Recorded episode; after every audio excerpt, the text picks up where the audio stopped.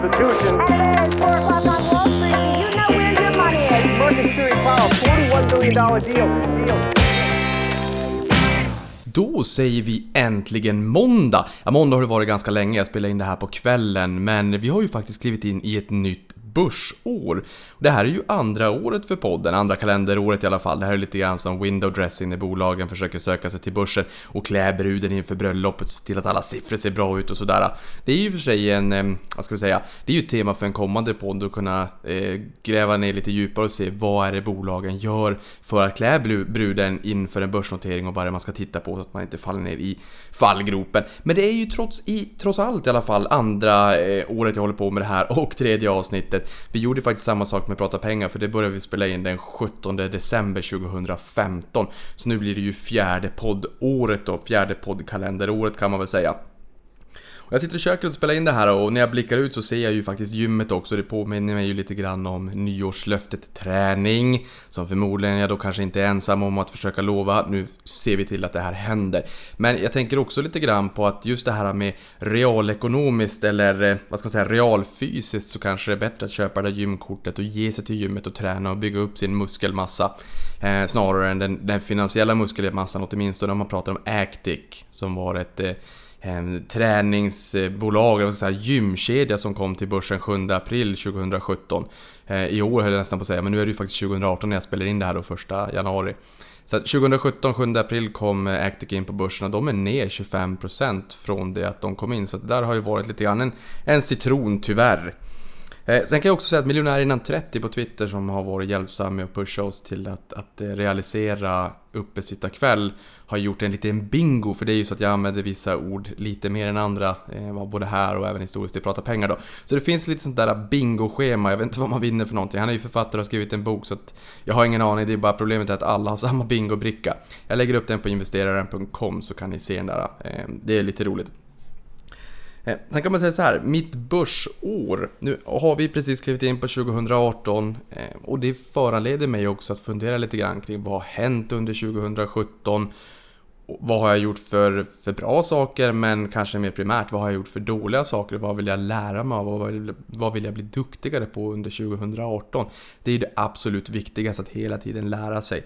Men mitt börsår i alla fall kan man väl säga att det som har hänt rent karriärsmässigt så tycker jag att det är roligt att vi var på eh, i New York i augusti i fjol och fick öppna Nasdaq, Nasdaq-börsen på eh, Nasdaq Market Site Times Square i New York. Det var en häftig upplevelse och även vara med på Nasdaq Trade Talks var också väldigt roligt. Och det är ju Jill Malandrina som, som är programledare för det programmet som en gång i månaden också komponerar ihop en liten sammanfattning för vad som har hänt i USA och bjussar på det till Avanza Play och i förra podden så tog jag med också, fick ni lyssna lite grann på när hon berättade om just eh, skattepaketet då som Donald Trump har drivit igenom i USA. Där man sänker skatten från 35% ner till 21% för bolagen. Där sammanfattar hon lite grann hur det kan tänkas påverka affärsklimatet och corporate America i, i, i USA då. Så det var en grej som jag tyckte var intressant. En annan grej var ju här i november också att jag åkte till Silicon Valley och fick träffa spännande bolag som Electronic Arts, eh, fick besöka produktionen på Tesla i Fremont, Kalifornien och se när bilarna producerades. Jag har aldrig varit inne i en bilfabrik tidigare, just Tesla, och är ju också ett hypat bolag. Ett bilbolag, techbolag, mjukvarubolag, vad det än må vara i slutändan så tycker jag ändå att det var eh, fascinerande.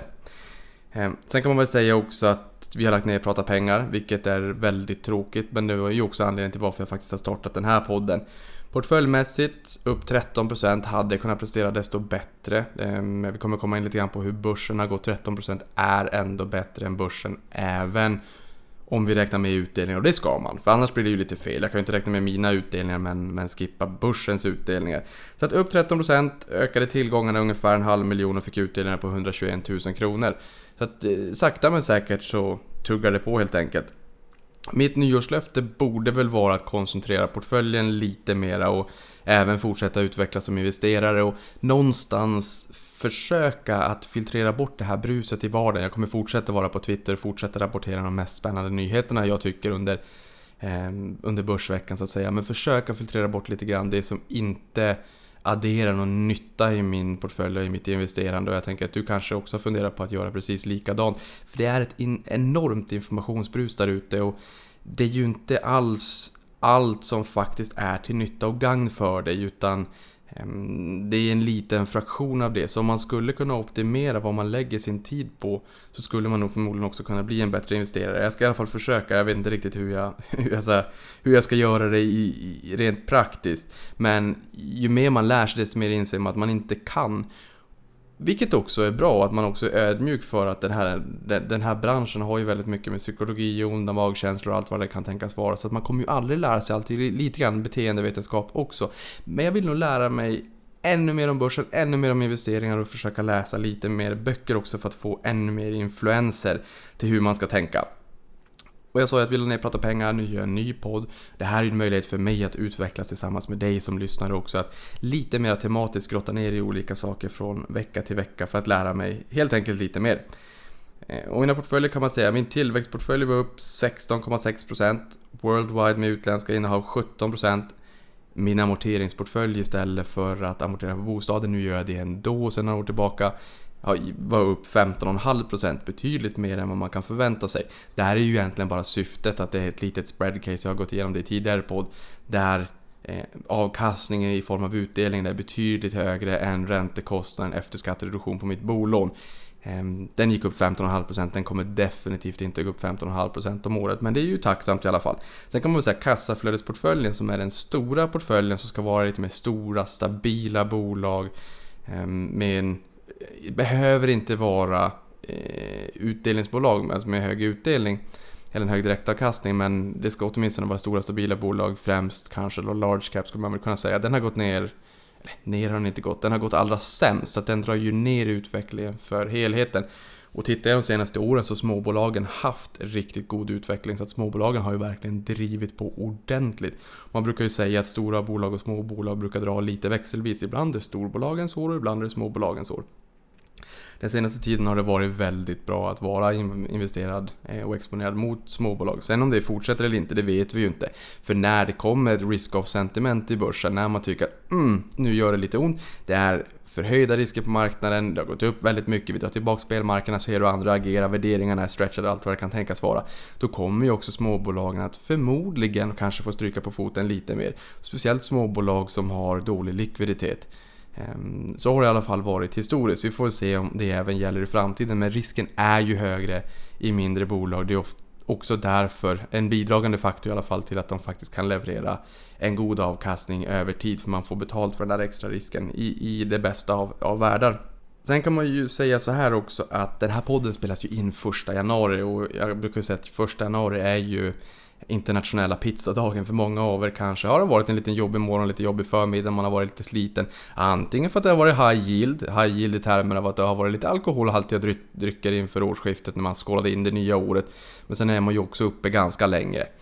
Och i och med att det är då väldigt mycket pizza som säljs idag så har jag bara tagit med en liten sån där utsvävning och bjuder på lite internationella pizzabolag fördel USA då det är många är noterade. Och där kan vi säga att Papa John's är första pizzabolaget i USA. Sen har vi Kuti Pizza, det är Finland, så det är faktiskt Finlands största pizzakedja. Jag tror att de har någonstans strax under 300 restauranger i, i Finland. Eh, men det gör också att de är den största pizzakedjan. Sen har vi Domino's Pizza, jag pratade om det mycket i tidigare podd, Prata pengar. De är duktiga när det kommer till teknologi och appar och tillgänglighet. De är snarare ett leveransbolag snarare än ett pizzabolag. Eh, och har gått väldigt bra de senaste åren i alla fall. Tittar vi från Ja, vad kan det tänkas vara? 2011-2012 så har de faktiskt överpresterat många techaktier. Eh, så att de har lite, lite, lite, lite grann räknas in som ett techbolag just för att man, man har en pizza, man har en produkt men man gör det på ett smart sätt som är ganska tech-influerat då. Sen har vi Jumbrand som ger en exponering mot Pizza Hut. Eh, Boston Pizza eh, BJ's Restaurants och Papa Murphys Holdings har ni ett gäng pizzabolag att eh, grotta ner er kring om det så att det är pizza som är lite intressant och det är pizza ni vill ha i portföljen. Hamburgare finns det också ett gäng men det får vi ta en annan gång. Eh, nu tycker jag att det är eh, hög tid att titta på börsåret 2017 och vad som har hänt för det är ju faktiskt så att vi har lämnat efter oss eh, ett ett, eh, ett eh, pizzaår, jag på att säga. Ett börsår. Och då är det ju som sig bör också, när vi stänger böckerna så är det ju alltid trevligt att blicka tillbaka lite grann och titta, vad är det som har hänt? Vad kan vi dra för slutsatser? Reflektera lite grann kring det här. och Sen så är det full fart framåt. Och OMXS30, numera de 31 mest omsatta aktierna på Stockholmsbörsen. Där är det ju ganska intressant i och för sig för att det viktas ju om nu och det får man ju helt enkelt bara googla på och se vilka bolag det är som, som kommer ingå i OMXS30 nu då från och med att börsen öppnar här 2018. För det viktas ju om vid nyåret och sen så vid halvårsskiftet i, i juni. Förra året var det ju MTG som åkte ut och eh, Fingerprint som kom in då. Eh, och nu har man ju viktat om det här igen då. Men förra året så gick eh, OMXS30 upp 3,94%. Och det jag skulle säga här som jag sagt tidigare också det är att de 31 mest omsatta aktierna på Stockholmsbörsen ungefär 50% bank och verkstad och utgör ungefär 60% av det totala börsvärdet på hela Stockholmsbörsen. Då. OMXS30 har stigit två år i rad, för det är nämligen så att 2015 så sjönk faktiskt OMXS30 1,21%. Så att två år i rad, 16 och 17 har eh, OMXS30 då stigit. Sen om vi tittar på OMXSPI, det är alltså det breda Stockholmsbörsen, alla bolag, large, mid och small cap. Där har vi en uppgång på 6,4% istället och den har stigit, alltså breda Stockholmsbörsen Stockholmsbörsen då, har stigit 6 år i rad sedan 2011. För, för er som kommer ihåg det så 2011 var ju ett ganska rött år i alla fall får man väl säga. Då sjönk börsen faktiskt 16,69% så det var en, en ganska ordentlig nedgång. Nu har vi ju vant oss att börsen har gått upp de senare åren och många pratar ju om att börsen har gått upp i så pass många år och, och det har den ju förvisso. Men just här då, breda Stockholmsbörsen 2011 då hade vi en ganska kraftig nedgång och det var även då som Eh, Standard Poor's sänkte USAs kreditbetyg där i augusti så fick jag följa med eh, nyhetsrapporteringen från ett hotellrum i Thailand. Det var ganska skakigt på marknaden får man väl i alla fall säga. Eh, sen några, några punkter under året som har präglat 2017 i, i min mening skulle jag säga är dels att det har varit ett väldigt bra noteringsår. Det har kommit in 115 nya bolag på Nasdaq i Norden. Varav 79 stycken är på First North, alltså farmalistan eller den listan där man preppar för att kanske då ge sig i kast med den, Stockholmsbörsens finlista, alltså large, mid och small cap då, där kraven eh, ökar ytterligare. Det är alltså en reglerad marknad då på Stockholmsbörsen. Medan First North inte är reglerad och den har lite lägre krav också på vad, vad gäller rapportering etc. Men man förbereds helt enkelt för en notering på huvudlistan. Så att väldigt många bolag har kommit in. Eh, 115 bolag är en ordentlig tillväxt från förra året. Stockholm dominerar, även om vi sa Norden. Så är det Stockholm som faktiskt dominerar och attraherar flest bolag. Och vi pratade i Avanza Play här för en tid sedan med Alan Kosti, alltså med noteringschef på Nasdaq. Eh, där han menade på att det har faktiskt varit så under året att man nästan kan säga att Stockholm har varit hetare än London. Sen är ju USA världens största kapitalmarknad, där finns ju Nasdaq också. För er som äger Investor så är ju Investor största ägare. Sen kan vi också säga som så här att det här är ju andra helåret med negativa räntor. Vi gick in i ett negativt ränteklimat den 18 februari 2015 och sen en tid dessförinnan så hade vi också haft nollränta. Men just negativt ränteklimat på minus 0,10, ja, där klev vi in då på nej, 18 februari 2015. Jag kommer ihåg när jag var på jobbet också att när man fick det här beskedet 09.30 när Riksbanken eh, lämnade räntebesked. Då tyckte man att oj, det här var spännande, eller är spännande, samtidigt ett, verkligen ett tecken i tiden. För man, nu får vi skriva om all kurslitteratur på universiteten också, för det här är ju någonting som man har sagt att det här är inte möjligt. Och det här är ett globalt experiment, så att jag, varken jag eller någon annan har ju en aning om hur eh, vart vi går härifrån och framåt. Och någonstans också, det, är ganska sjukt egentligen att det är rätt stora eh, pengar där ute runt om i världen som e-, är exponerade mot Ehm, eh, negativ ränta och det innebär ju, att om du investerar 100 kronor och så får du tillbaka 95, 96, 97 kronor. Det är inte så roligt. Ehm, och vi har en åldrande befolkning i västvärlden och en stor del av mandaten när man placerar de här pengarna, pensionspengar etc. är att det ska ju vara i, i riskfria tillgångar också inom situation och även inom räntor då med, med viss risk kanske mot bolag. Och det blir ganska jobbigt om det är så att man inte får någon avkastning på sina pengar. Så det här blir strukturellt väldigt jobbigt. Och när jag säger att man inte får någon ränta på riskfria pengar då inom citationstecken igen just när man lånar ut till stater. Det är för att de då har fri beskattningsrätt, alltså att man kan då höja skatterna om man så skulle behöva. Men vi har ju en, även Sanofi och Henkel. Två bolag som under var det under 2017 eller kanske under 2016? Något av de här åren som faktiskt lånade gratis Eh, till minus 0,05% så att vi har ju faktiskt även haft eh, en, en liten tå som eh, toe dipping i, i negativt ränteklimat även för bolag. Vart det här ska ta vägen har jag ingen aning om. Och någonting annat som präglar det här börsåret då är ju också manin i kryptovalutor. Men sen kan man ju också säga att vissa tycker att kryptovalutor är helt galet. Jag nöjer mig med att säga att jag inte riktigt förstår det. Jag tycker teknologin då blockchain är spännande och det är ju en, en, fortsättning av digitaliseringen. Om det är så att exempelvis bitcoin kommer vara det stora framöver, jag har verkligen ingen aning och jag har inte investerat någonting i bitcoin heller. Men att säga att kryptovalutor är alldeles galet men att tycka att ja, det är väl ganska normalt med negativa räntor, det går ju inte riktigt ihop. Vi får väl säga att även negativa räntor är ju rätt galet faktiskt. Vi har aldrig varit här tidigare. Och jag hoppas bara att vi tar oss ur det helskinnade, för det här är ett stort globalt experiment. Så att andra helåret, man skulle kunna säga det är i princip tre år med negativa räntor då, om vi då eh, om vi räknar med 2015. Sen har vi haft jättelåg volatilitet också. Eh, jag såg i Dagens Industri man sa att det här var den lägsta volatiliteten sen man började mäta VIX eh, 93. Så det är ju en ganska lång period. 93 hade inte ens jag börjat ettan. Eh, inte för att det säger någonting men, men allt är ju relativt. Det är en väldigt lång period med eh, eller väldigt lång period. Det, det, det, har mätts under en lång tid, men just den här låga volatiliteten som vi såg under 2017. Ja, dels kan det ju förklara kanske varför vi har fått in så många bolag på börsen. För att just volatiliteten kan man väl säga, det är ju alltså svängningarna på marknaden. Eh, och om det inte svänger jättemycket, alltså om det inte piskar upp till storm, då skulle man ju kunna gissa att ja, men då kan ju fler skepp från hamnen våga sig ut på de stora haven. Medan om det piskar upp till storm, jag menar, då håller man sig nog inne i hamnen istället och väntar på att vädret ska lägga sig lite grann. Och det har vi ju sett tidigare, eh, fjol, fjolåret eller för två år sedan, när det var väldigt volatilt. Ja, 2016 faktiskt var det ju väldigt volatilt. Börsen började ju ner ordentligt.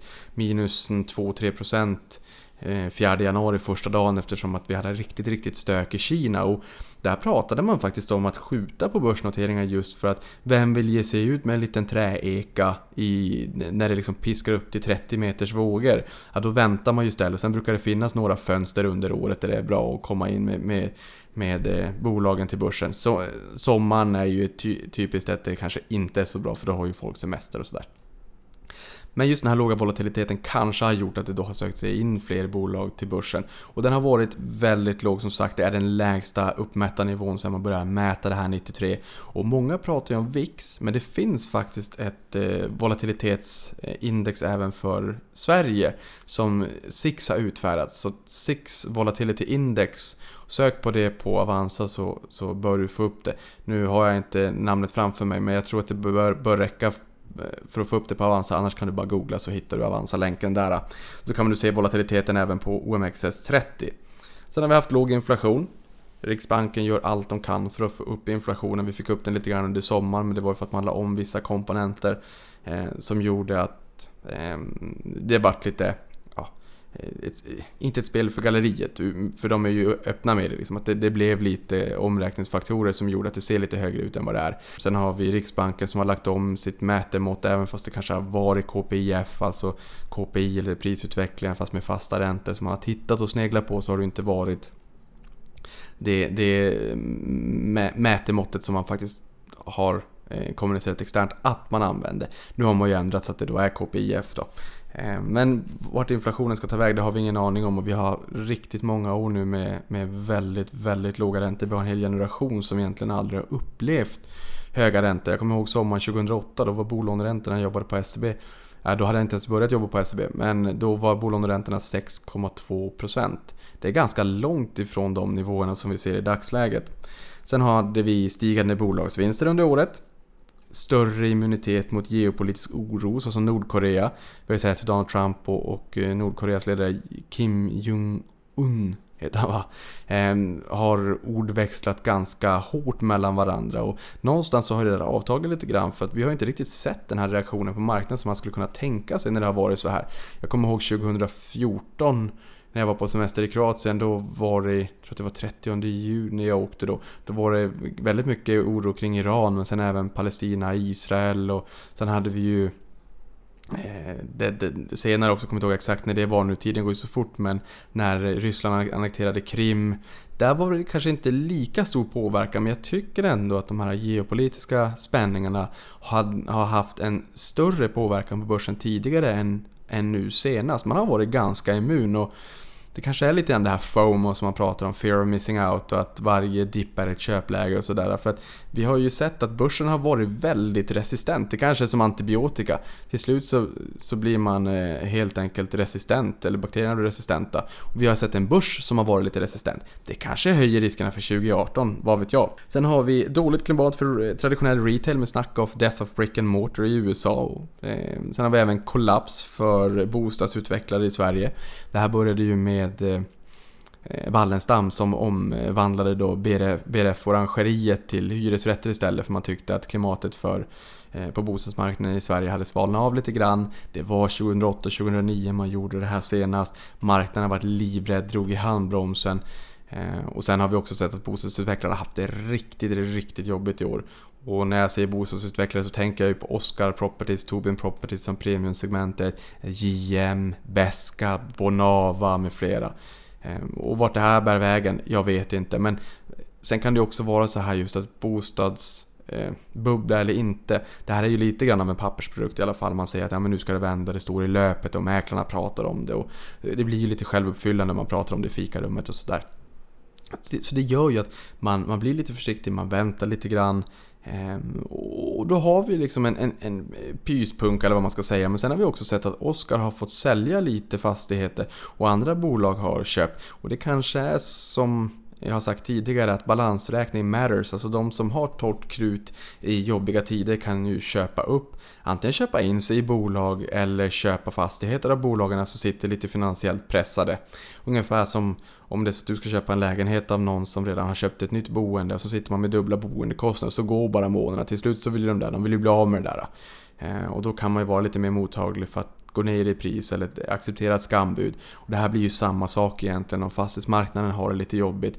Ja, då kanske det är... Ja, så här. Jag tycker att ska man vara exponerad mot fastighetsmarknaden så om det blir jävligare så är det ju inte fel att eh, äga bolag som har lite torrt krut, en stark balansräkning eh, och Wallenstam är ju ett sånt bolag som både har ett bostadsbestånd men som också projekterar lite grann. Och det kostar ju att projektera, men jag menar samtidigt så får man ju kassaflödena från det befintliga beståndet så att säga. Och då kan man ta en del av de här pengarna att, att lägga i projekt. Men att investera i bolag som bara har projekt, där man tar in pengar och säger att här kommer vi sälja det här sen.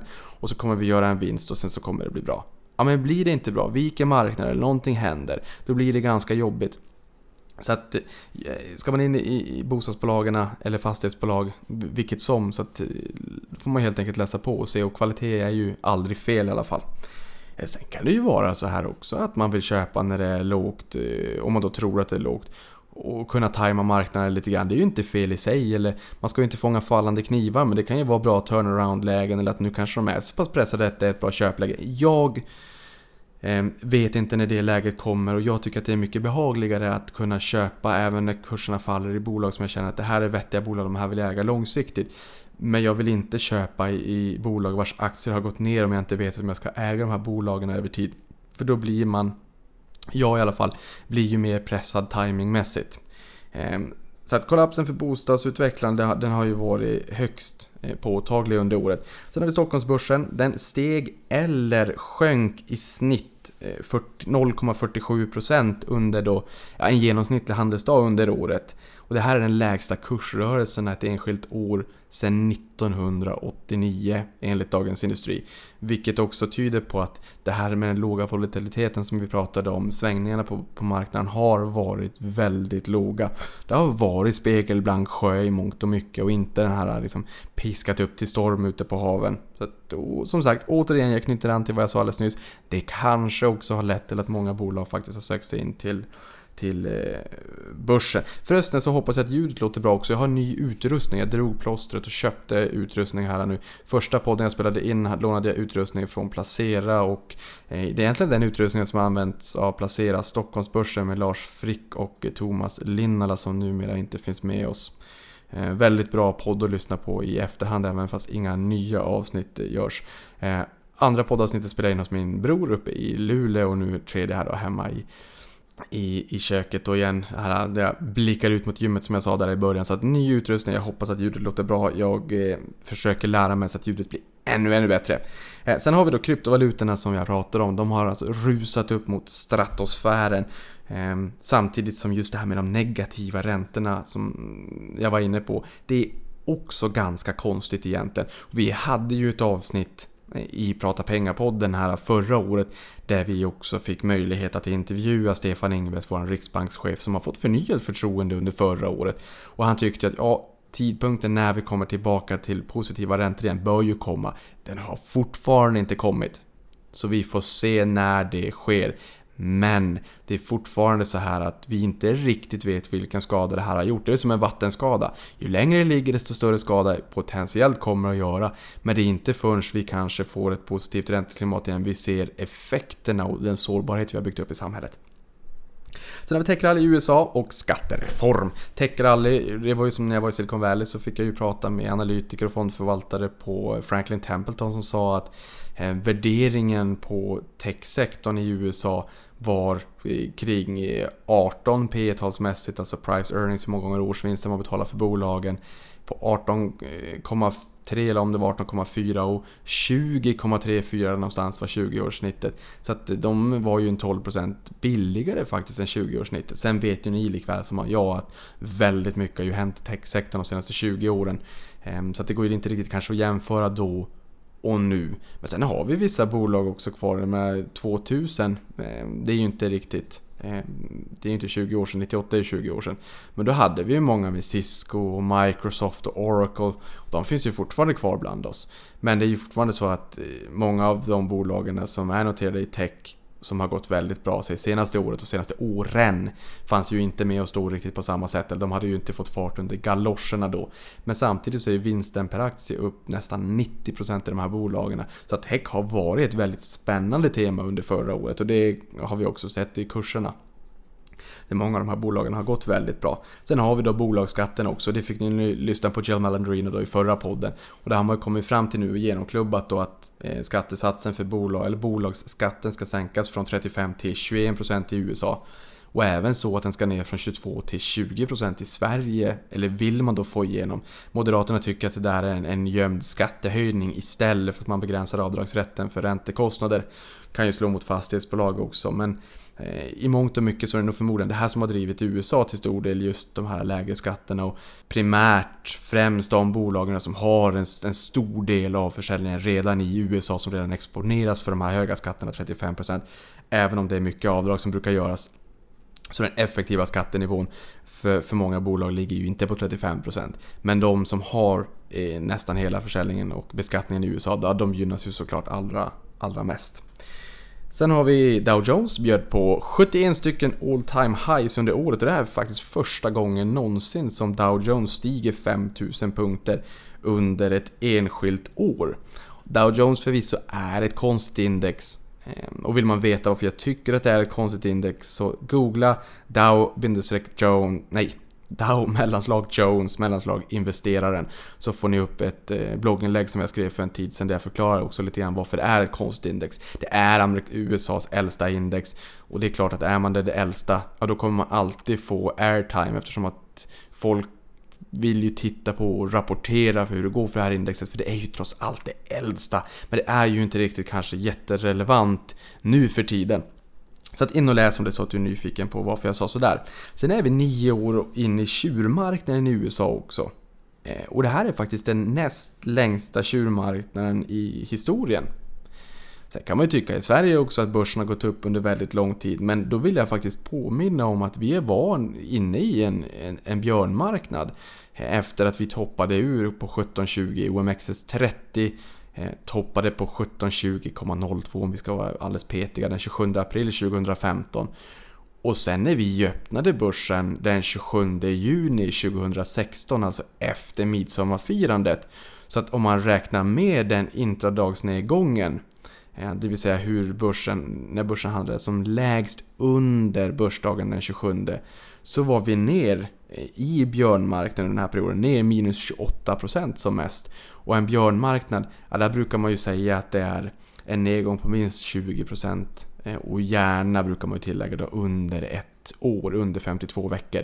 Det blev ju inte riktigt det här april till juni, det är ju inte riktigt ett år, det är ju lite längre. Men den nedgången tenderar man faktiskt att glömma bort.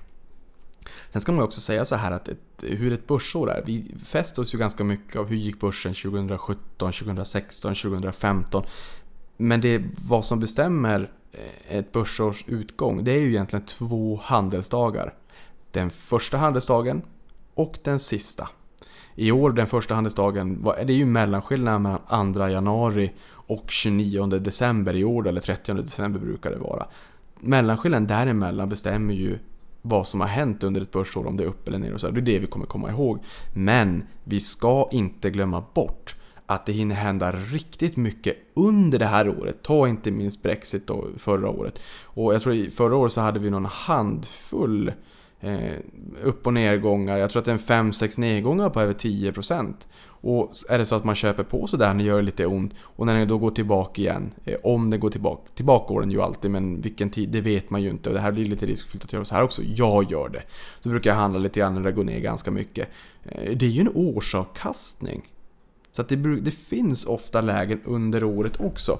Så att spara löpande brukar vi säga, det är bra. Och sen så brukar jag pytsa in lite mer om jag tycker att äh, men nu, nu har det faktiskt gått ner lite för mycket, lite för fort. Sen eh, tittar vi också på amerikanska dollarn så gick den ner 10% i fjol gentemot svenska kronan medan euron gick upp 2,5%. Och varför är det här intressant? Ja, det är väl för att många av oss tycker att det är ganska kul att ha en liten diversifiering i portföljen också utanför Sverige. Man har ju ofta ett home bias och man köper ju ofta svenska aktier för de vi känner till och där vi jobbar eller våra vänner jobbar och nyhetsrapporteringen ehm, bevakar de här. Eh, så vi, vi har ju bra koll på de svenska bolagen, vi ser dem runt omkring oss också. Men vi ser ju även amerikanska bolag exempelvis runt omkring oss. Och det här tror jag att fler och fler börjar tänka på det här sättet som är ekonomiskt sinnade. Man ser runt omkring sig, vad har jag för eh, varor eller produkter, tjänster runt omkring mig och är det börsnoterat eller inte? Och i mångt och mycket så är det ju det utomlands. Så att eh, amerikanska tillgångar har ju blivit 10% billigare i termer av valutan då. Sen har ju amerikanska börsen gått upp väldigt mycket. Sen har vi guld. Eh, safe haven i jobbiga tider brukar man säga. Eh, guldet har gått upp 13,6% trots att vi har haft låg volatilitet. Och trots att eh, börserna faktiskt har eh, avancerat. Oljan upp 20% och jag tittar på bräntoljan. Koppar brukar sägas vara en global konjunkturindikator just beroende av sin eh, spridda industriella användning globalt runt om i världen. För att man använder guld i så många så många olika branscher och på så många olika sätt. Eh, guld sa jag, jag menar koppar. Ehm, vilket brukar vittna om någonstans temperaturen i konjunkturen. Jag ser också Chile som är världens största kopparexportör.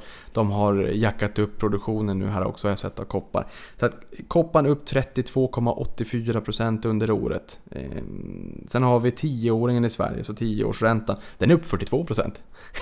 Sen blir det ett spel för galleriet. Ehm, den ligger på 0,77% just nu. Vi har väl den amerikanska ligger väl någonstans på ja, 2,5 ska jag kunna tänka mig. Så att 10-åringen fortfarande lågt men eh, har gått upp en hel del. Sen kan vi också se hur indexen har utvecklats och vilka aktier som har varit movers. Så här tänker vi ska titta både på Sverige men även på eh, USA då. Och om vi börjar i Sverige, OMXS30 där sa jag att den är ju upp 3,94% Ehm, och movers där, och när jag säger movers, movers, laggers, movers är de som avancerar och som ligger i täten, alltså forwards inom sport skulle man väl kunna säga, fotboll. Och, och laggers är de som eh, inte riktigt hänger med eller så här håll tätt bakåt. Nu är backar i sporten, de gör ju jättemycket bra. Ni vet att jag är sportanalfabet, jag, ni vet att jag inte riktigt vet vad jag pratar om just nu. Men, men movers är de som avancerar och drar börsen uppåt och lägers är de som håller tillbaka lite grann för att de har en, en en sämre utveckling. Glöm sportanalogin där, för den höll ju inte för fem öre, vilket ni kanske märkte. SCA är lite jobbig, den har gått upp mycket, men det beror på lite grann hur man mäter där. För det har ju varit en uppdelning med SCA och S1, alltså skogsdelen och hygiendelen kvällen. Så jag, jag har inte riktigt satt mig in i hur man ska mäta det där. Olika sidor rapporterar på olika sätt. Ehm, men Volvo, Volvo, Volvo, Volvo upp 47% under året. Total return, det är alltså inklusive utdelning då. Sen har vi Tele2 upp 46% och Alfa Laval upp 31%. Eh, sänket här är ju Fingerprint som är ner 74%, var ner väldigt mycket förra året också. Kom ju in i OMXS30 förra året. Har som sagt gått ner, tyvärr, väldigt mycket. Sen har vi 630RX, det är OMXS30 men då räknar man med utdelningen, där ligger vi på 767. Sen har vi OMX SPI, alltså eh, Price Index, OMX eh, Stockholm Price Index, det är breda Stockholmsbörsen, large, mid, small cap. Där är vi upp 6,4%. Och då har vi Movers, eh, GFM Entertainment upp 212%. Serad upp 134, Serad är C-RAD Serad. Och sen har vi Evolution Gaming upp 126%. Sen har vi 6PRX, det är OMXSPI men då räknar vi med utdelningen, alltså RX och för return index. Då är vi upp 9,47 så nästan tvåsiffrigt, inte riktigt men nästan. Sen har vi FN25, alltså First North 25, vilket är de 25 mest handlade aktierna på på First North. Varför jag har med den här också är lite kul i och med att, eh, som jag sa, det 115 bolag har kommit in på Eh, Nasdaq i Norden. 79 av dem var på First North. Så det är intressant också att se hur indexet har gått om vi tittar på de mest handlade då. Och där är vi upp 23,74%. Så att den har gått upp väldigt mycket får man ju säga. Movers är Gomspace på 159% upp, THQ Nordic, spelbolaget med Lars Wingefors som VD, upp 138%. Och varför jag sa Lars Wingefors och inte på någon annan är för att jag hade med honom också här i Avanza Play inför börsnoteringen. Ehm, så att jag kommer ihåg när jag träffade honom, därför följer man ju bolaget lite extra. Så kul att se att de har hamnat på topplistan. Bra jobbat. Sen har vi Leo Vegas också med en uppgång på 134%. På hela First North, alltså inte bara de 25 mest omsatta, så är det Enorama Pharma som är upp 789%. Herregud! Eh, en bit till så är det den här eh, 10 bagger som Peter Lynch brukar prata om, alltså när den har gått upp 10 gånger. Eh, vi är inte riktigt där än. Sen har vi Nordic Growth Market, IO, Ionid, Ionide Eh, ursäkta uttalet, upp 470%. Ripasso Energy upp 224% och LC Tech upp 120%. Sen har vi aktietorget. Spectra Cure är upp 551%. Angler Gaming är upp 281% och Angler Gaming är ju deras teknikplattform var ju en, inte en, ja men en avknoppning av Betsson en gång i tiden man hade det gamla systemet hos dem, gamla eh, IT-plattformen som man knoppade av i ett eget bolag istället för att, istället för att kasta den då när man fick sig en ny plattform själv. Ehm, de är upp som sagt ganska mycket i fjol. Sen har vi Sleepo upp 262%. Sen på Nasdaq, och nu är det amerikanska Nasdaq jag pratar om, så eh, steg den 28,24%. Det är en ganska stor uppgång med andra ord.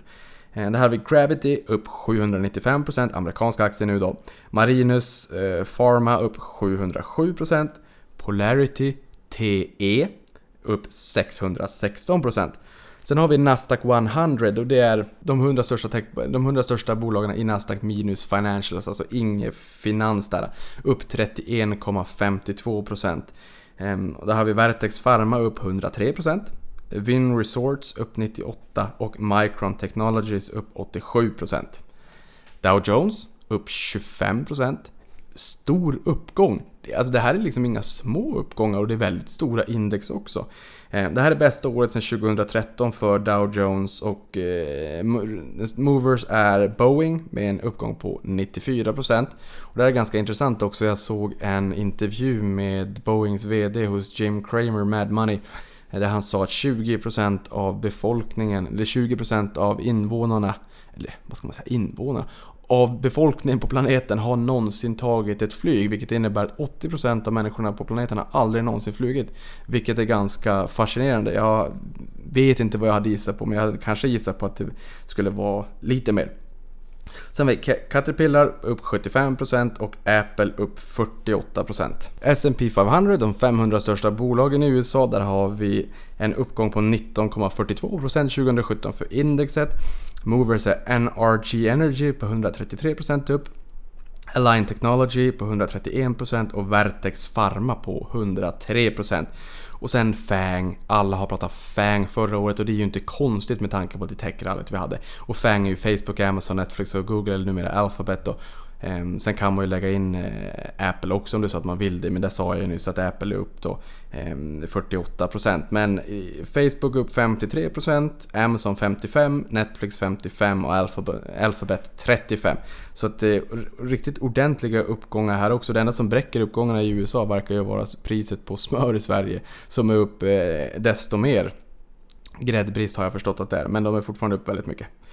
Ehm, Sen kan man säga att aktierna som har fått flest nya ägare hos Avanza under året, några av dem är Kinnevik, Saltex Technologies, Investor, Swedbank, Latour, Lundin Mining, Industrivärden, SCA, Volvo, Axfood, Skanska och Castellum. Så att fördel lite större bolag. Eh, det kan ju vara så att i procentuella termer har mindre bolag också fått väldigt många fler nya ägare i förhållande till ägarstocken hur den har sett ut tidigare. Men det vi ser är ju att de här stora bolagen eh, får relativt sett fler ägare. Sen eh, funderar jag lite grann också kring nu, det här är, det, vi har precis klivit in i nytt börsår, det är 2018, börsen öppnar 9 imorgon den 2 januari. Eh, hur ska man göra för att utvärdera det börsåret man precis har lämnat? Och utvärderat sin egen portfölj. Där har jag tänkt lite grann eh, och kommit fram till några punkter som man skulle kunna ställa sig. Och den första är hur har ens portfölj utvecklats gentemot börsen? Och då kan man ju fundera kring hur ska jag eh, jämföra? Vad ska jag ha för jämförelseindex? Alltså vad ska jag benchmarka min utveckling mot? Ja men har du fördel större bolag, kanske på Stockholmsbörsen, kanske large cap, kanske liknar OMXS30. Kör eh, OMXS30 då. Men ta 630 RX, räkna med återinvesterad utdelning. För det blir ju det mest rättvisa om det är så att du själv återinvesterar en utdelning. Är det så att du har lite mindre bolag eh, som inte kanske handlas till large cap eller på large cap. Eh, fundera då kanske om det är OMXSPI istället, alltså Stockholmsbörsens breda index eller 6PRX då. Samma index fast man då räknar med återinvesterad utdelning. Gör du det, använd ett index som också gör det och se. Eh, har du över eller underpresterat börsen eh, det senaste året och ta även senaste två, tre åren också om det är så att du har så pass lång historik hos din nätmäklare. Sen, vilka har varit movers och laggers i portföljen? Det är ganska lätt att bara fundera kring, ja men min portfölj har gått upp si och så många procent, börsen si och så här. Men titta också på vilka bolag är det som har drivit Eh, på utvecklingen i min portfölj och vilka är det som har hållit tillbaka den och fundera kring, ska jag göra någon förändring här då? Sen, hur ser viktningen ut? Bör du omallokera? För det kan ju vara så att vissa bolag går jättebra och andra går lite sämre och det gör ju också att viktningen ser lite annorlunda ut. Eh, på Avanza kan du göra det. In och titta på din portfölj så kan du få liksom ett litet tårtdiagram också. Och där ser du ju hur många eh, procent som varje innehav utgör av totalen. Och i den bästa av världar eh, så kan jag tycka att ja, men, låt det vara lika viktat då. Att om du har 10 bolag i portföljen så ska det vara 10% per bolag. Har du 20 innehav i portföljen, låt det vara 5% per innehav då. Eh, men sen är det där, det där gäller ju bara dag ett. Sen är börsen öppna, vissa går upp, andra går ner och andra står stilla och sådär. Och då förändras ju de här viktningarna. Men är det så att det är något bolag som har en relativt sett större vikt i din portfölj, ja då kommer det också leda till att eh, sårbarheten i din portfölj ökar. För om det är så att det här bolaget som då har en relativt större vikt i portföljen går ner, ja då kommer den dra ner portföljen också, även om några andra innehav som väger fjäderlätt går upp jättemycket. Så att eh, det behöver ju inte vara så att man ska göra en förändring, men jag tycker åtminstone att man kan titta på, bör jag göra en förändring? Och gör man det inte, då har man gjort ett aktivt val. Då. Sen, hur har utdelningstillväxten varit? Det där är ganska trevligt för att börsen tenderar ju att svänga över tid. Nu svängde den inte kanske då jättemycket i år men den tenderar att svänga ganska mycket över tid. Någonting som svänger desto mindre det är utdelningstillväxten år över år. Eh, in på eh, Avanza, mindre på värdepapper. Längst ner finns det en graf. Klicka på fliken utdelningar. Då ser du eh, ut, eh, utdelningsstaplar år över år över år över år. Eh, och utdelningstillväxten ska man kunna säga, det är din löneförhöjning. Det är ju löneförhöjningen från portföljen. Säg att du kanske får 2% om året på ditt jobb i bästa fall. Och, och, och, eh, om Riksbanken får som de vill att inflationen ska vara på 2%, ja men då kommer lönetillväxten vara noll inkomst av kapital, lönetillväxten från portföljen, kommer mångdubbelt springa om tillväxten i din lön. Lön och ekorrhjul och allt vad det kan tänkas vara. Sen är det kul att jobba, och speciellt om man jobbar med det man brinner för. Jag säger ingenting om det. Men det kommer att vara så att, eh, mest troligt i alla fall, Beroende på vilken typ av bolag du har. Eh, men så kommer det förmodligen vara så att just utdelningsväxten i portföljen blir som Usain Bolt som springer, vroom, springer förbi eh, utvecklingen från tjänst. För du har ju två olika inkomster då. Inkomst av tjänst när du går till jobbet och jobbar och sen inkomst av eh, kapital, det är din portfölj och den pengamaskinen du bygger upp. Sen har vi inkomst av näringsverksamhet också om det är så att man är egenföretagare. Sen, hur mycket har dina totala tillgångar ökat? Det är ganska intressant också. Jag får ju en balansräkning och ser vad mitt värde, min, min totala förmögenhet har varit eh, under året. Inte bara från år till år utan även ganska många gånger under året så fyller jag i det därför att jag tycker att det är lite roligt. Så ställ dig själv frågan, vad hade jag för tillgångar per balansdagen om vi ska använda finanslingo per sista december 2016? Och vad var det värt eh, sista december 2017? Alltså hur mycket av mina totala tillgångar ökat? Sen, hur mycket har du sparat under året? Hur mycket pengar har du satt av? Ska du öka eller ska du minska det här under 2018? Ehm, och det, det, är det vi har pratat om tidigare, sparkvoten. Alltså hur stor del av din eh, disponibla inkomst sätter du av till portföljen. Man brukar säga att det bästa sparandet är det som blir av. Ett gyllene riktmärke brukar kunna vara 10%. Det gör underverk över tid. Tid och avkastning är de två absolut viktigaste faktorerna. Eh, bra bolag eh, gör det ju inte sämre helt enkelt heller. Eh, sen, hade du några mål inför 2017?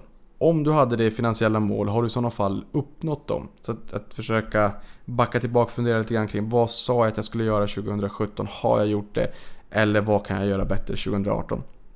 Sen humankapitalmässigt, vad har du lärt dig under året? Har du blivit en bättre investerare? Och var ärlig mot dig själv. Och jag tycker varje gång man gör en, en investering eller köper nya aktier, kroka ner en liten kommentar för varför du köper det här precis just nu. Och sen kan du då gå tillbaka vid årets slut och säga Ja men gick det här bra eller gick det mindre bra? Och vad sa jag när jag köpte det här? Så att man hela tiden liksom lär sig någonting. För det är ganska enkelt att hoppa från tuva till tuva och, och glömma bort det som har varit och bara köra full fart framåt. Men är det så att det är fullt med frost på framrutan då blir det ganska jobbigt. Det är bättre om man liksom eh, skrapar fram lite grann så att man ser ut genom vindrutan. Eh, så att man inte bara investerar in blindo, att man försöker lära sig av av eh, sitt beteende och hur man agerar och sen i efterhand se också hur gick det då. Sen avgifterna i sparandet är ju viktigt, eh, inte minst. Och det kan man också fundera på. Vad har jag haft för avgifter i mitt sparande under året? Vad har jag haft för förvaltningskostnader? Jag kan säga Personligen så har jag köpt värdepapper för 301 532 kronor för att vara helt exakt. Eh, och min kostnad för det här var 484 kronor eller 40 kronor per månad då. Så min förvaltningskostnad landar på 16 punkter för nysparandet eller 0,9 punkter, alltså strax under en punkt på hela portföljen. Och är det så att du har gjort många investeringar och handlat väldigt mycket, ställ dig frågan, har det lett till alfa då? Har jag fått en överavkastning tack vare att jag har varit aktiv i mitt sparande? Eller har det gjort att jag kanske haft en sämre utveckling, utveckling i sparandet? Ta dig en funderare, reflektera. Tycker du att det har varit bra? Fortsätt, kör på. Har det varit mindre bra? Fundera på om du kanske ska förändra ditt beteende och, och, och lägga om det på något sätt. Um, och när jag säger alfa, både överavkastning men jag tänker även riskjusterad eh, överavkastning. Har du fått betalt för den extra risken du har tagit? Så det kan vara bra att fundera lite grann på. Ehm, sen har vi nu sist men inte minst ett nyhetssvep och då kan vi säga att Warren Buffett vann sitt tioåriga vad mot ett knippe hedgefonder där man sa att S&P 500 skulle överprestera hedgefonder på eh, ett perspektiv. Nja, tyckte ett gäng hedgefonder, men så blev det. Det är faktiskt så här att S&P 500 steg med 85% senaste årtiondet medan hedgefonderna steg 22% efter avgifter. Så de fick faktiskt erkänna sig besegrade. Eh, och den här eh, prispotten då som tillfaller Warren Buffett kommer att gå till välgörenhet. Sen kan jag säga Wallenstam gör det igen omvandlar ytterligare 290 bostäder i tre stycken BRF-projekt eller bostadsrättsprojekt till hyresrätter i storstäder efter BRF eh, Orangeriet som nyligen omvandlade 90 bostäder som skulle bli bostadsrätter fick bli hyresrätter istället för att man tyckte att marknaden var svag. Det satte skräck i, eh, i, på börsen då, speciellt bland bostadsutvecklare. Nu gör de det igen. Och, och dessförinnan då, innan det här BRF Orangeriet så var det 2008-2009 senast man gjorde det här. Så att det, det, man får ju lite kalla kårar längs ryggraden för 2008-2009 det var ju ingen rolig period. Eller 2007-2008 var ingen rolig period. 2009, det var en väldigt rolig period. Men det har vi inte förstått förrän i efterhand när vi insåg att det var ju verkligen där då, slutet på oktober, 27 oktober, som börsen verkligen kände att nu, jädrans, nu. Eh, nu lyfter vi uppåt igen. Eh, Wallenstam har stigit 11,28% under 2017 kan vi tillägga också. Sen har vi nätneutralitet i USA, alltså internetleverantörer får inte ta betalt av sajter för gräddfil, alltså extra power. Ehm, eh, och inte sakta ner tjänster eller sajter som inte betalar eller missgynnar företag som konkurrerar med, med, med sig självt eller med operatörens egna tjänster.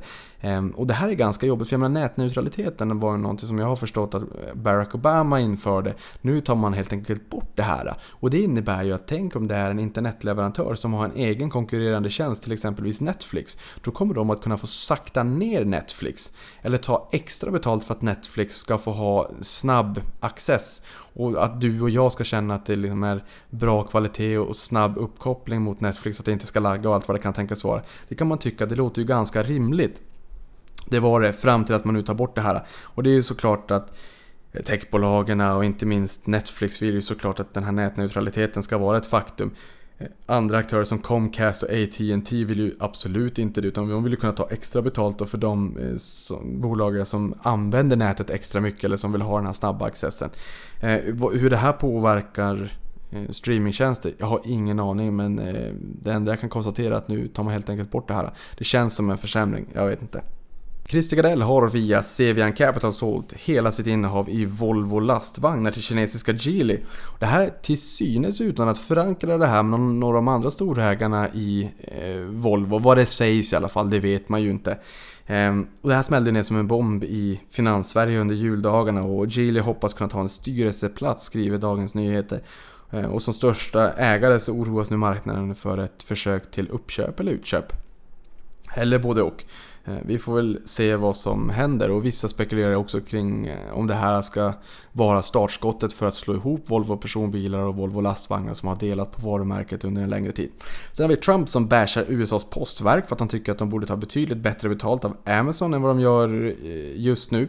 Och att Amazon får lite gräddfil när det kommer till paketleveranser samtidigt som den här postverksamheten förlorar en massa pengar tycker Trump och de borde tjäna mer pengar på det här. Eh, han lägger sig i ganska mycket i Corporate America och det är därifrån han kommer innan han blev president. Sen har vi Airbus som bekräftar sin största order någonsin motsvarande 406 miljarder kronor från amerikanska PE, alltså Private Equity-bolaget Indigo Partners och omfattar 430 flygplan. Sen har vi Kinas motsvarighet till Silicon Valley, Shenzhen, som nu enbart eh, har eldrivna bussar i stan. Eh, staden har 16 359 elbussar och nästa steg är att omvandla taxiflottan på 12 500 bilar. Eh, och 62,5% av de här bilarna är redan eldrivna. Men det är ganska fascinerande. Alltså det är en storstad med 12 miljoner invånare. Det är 100% elbussar. Det är ganska imponerande. De har förvisso incitamentet också i och med att i Kina så har vi luften som kanske inte riktigt är på topp. Så där har vi ju Ehm, ett, ett ordentligt incitament, inte bara på pappret utan att faktiskt förbättra luftkvaliteten och, och eh, ja, klimatkvaliteten i, i landet. Det är många människor där tyvärr som dör för att luften är så pass dålig. Ehm, det, vilket vi är ganska bortskämda med här i Sverige, att det, här, det är ju inte ett problem för oss alls. Så nu är världens största aktieägare norska oljefonden som inte tänker köpa fler aktier så länge börsen stiger. Historiskt så har de köpt varje gång marknaden har fallit med minst 20% eller mer eh, enligt dagen, en intervju i Dagens Industri. Och AUM eller Assets Under Management eller förvaltade tillgångar, eh, kärt barn har ju många namn, ligger på 8600 miljarder norska kronor. Eh, så det är en rätt ordentlig slant pengar där. Sen kan vi också säga att 2017 2017 är ett återhämtningsår, eller var, för nu har vi ju klivit ur 2017, var ett återhämtningsår för svensk gruvindustri. Eh, och intresset för att leta efter nya gruvfyndigheter i Sverige är på topp. Ehm, antalet ansökningar om undersökningstillstånd är på den högsta nivån på åtta år enligt eh, Ekonomiekot. Ehm, så det är intressant där också. Vi har ju pratat lite tidigare här i podden just om kopparpriset bland annat och som har stigit väldigt mycket. Sen är det vissa andra metaller och sådär som, som också efterfrågas när det kommer till eh, elbilarnas eh, boom och så vidare. Sen hur långt man har kommit där i, i den här elbilsboomen, men det säljs ändå ganska mycket på global basis. Sen kan vi säga så här, nästa podd spelas in med, preliminärt med eh, Gabriel Iskander som är chefredaktör på Börsveckan. Eh, och där har de ju fokat eller snöat in lite grann på mindre och medelstora bolag.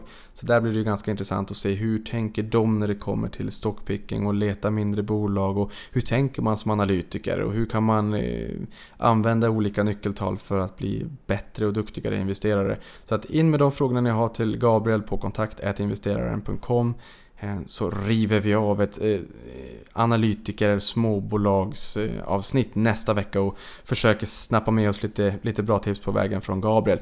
Eh, och det fattas väl bara för mig att säga god fortsättning på det nya året och stort tack för att du orkade igenom de här, eh, den här nästan timman. Eh, och hoppas att du håller dina nyårslöften. Hej!